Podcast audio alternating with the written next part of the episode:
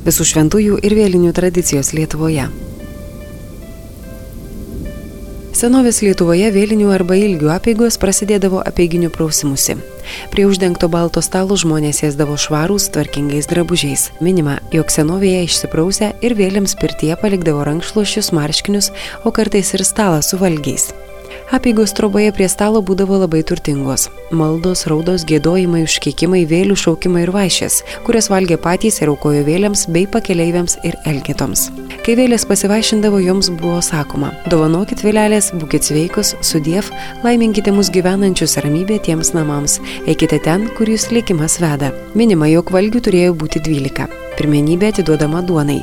Kiti labai arhaiški valgiai tai juka ir kruopiniai vedarai. Vėlinių vaišių metu aplink stalą uždegami žiūriai, žvakės ar kitokia ugnis.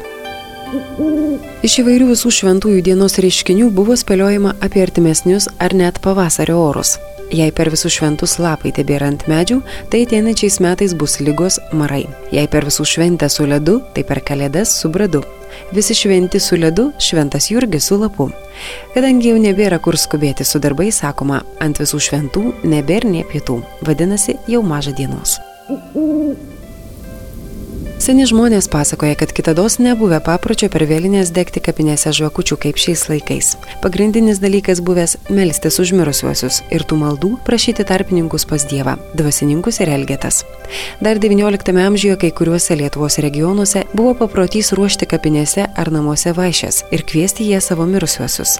Pirmiausia būdavo iškūrenama pirtis, o išsimaudžius kviečiama prie stalo. Dzūkė seniau visų šventųjų dieną šeimai patiekdavo nekasdieniškų patiekalų - grikinio saldienio ir šaltanosių. Saldienių į vandenį užmaišytus grikinius miltus porą dienų paraugindavo, paskui tešlą dar pasaldindavo sacharinu ir iš jos kepdavo bandelės. Šaltanosiai buvo daromi iš panašiai kaip šiandienos cepelinams sutarkuotų ir nuspaustų bulvių, į paplotėlio vidų įdedant trintų aguonų ar kanapių. Išvirti ir atšaldyti paplotėliai buvo valgomi su meškos pienu, pasaldinto aguonpieniu.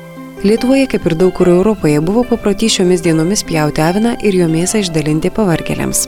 Senovėje avis ar rožys buvo pjaunami ritualiniai padėkos mirusiems už jų globą tais metais puotai. Gerviečių lietuviai elgetoms išdalyti būtinai kepdavo mažų bandelių, o vis mentelė buvo aukojama bažnyčiai. Būdingas lietuvių vėlinių papročių ruožas klajojančių vėlelių, nesava mirtimi mirusių niekieno neprisimenamų pagerbimas. Dar praėjusio amžiaus pabaigoje buvo tikima, kad tokios vėlės tarp jų ir mirusių nepakrikštytų kūdikių per vėlinės klaidžiojančios panamėmis prašydamos maldų. Buvo manoma, kad per vėlinės pavojinga vykti į kelionę, ginti gyvulius ir palikti juos naktį laukia. Bijota, kad klaidžiojančios vėlės gali pakengti kelyje sutiktiesiems. Vakare susirinkusi prie stalo šeimyną melsdavosi ir valgydavo tylėdama. Netyčia nukritęs maistas buvo paliekamas toms vėlėms, kurių nebuvo kam pakviesti. Per vėlinės buvo paplitęs ir paprotys susėdus už stalo pasakoti šiurpes istorijas apie vėlės. Po tokių istorijų išeiti į lauką būdavo dar baisiau. Vėlinių naktį užklydęs į namus nepažįstamas kareivis būdavo gražiai sutinkamas, tikėta, kad tai vėlių pasiuntinys. Popiežius Bonifacas IV liturginė šventųjų atminimo švente 7 amžiaus pradžioje paskelbė lapkričio 1. Tai buvo visų šventųjų diena. Popiežius Grigalius IV 998 metais šią šventę dar papildė lapkričio antrąją, skirta prisiminti visus mirusiuosius. Lapkričio pirmą dieną bažnyčios visada laikyta privaloma švente. Visų šventųjų diena iš senovės liaudis teikia ypatingą prasme. Manyta, kad tą dieną gimęs kūdikis, suaugęs būdamas šerminyse, matysės vėlės. Buvo tikima, kad mirusio žmogaus vėlė būnanti prie palaikų tol, kol mirusysis įdedamas į karstą ir išnešamas į kapines. Per šias dvi dienas paprotys Jis draudė ką nors sulopyti, nes eriukai gimse margavilniai lyg sulopyti.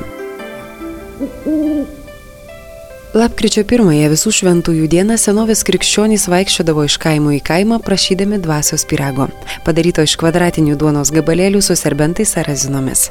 Kuo daugiau pirago elgetautojai gaudavo, tuo daugiau maldų jie pažadėdavo sukalbėti uždavusiųjų žmonių artimųjų sielas.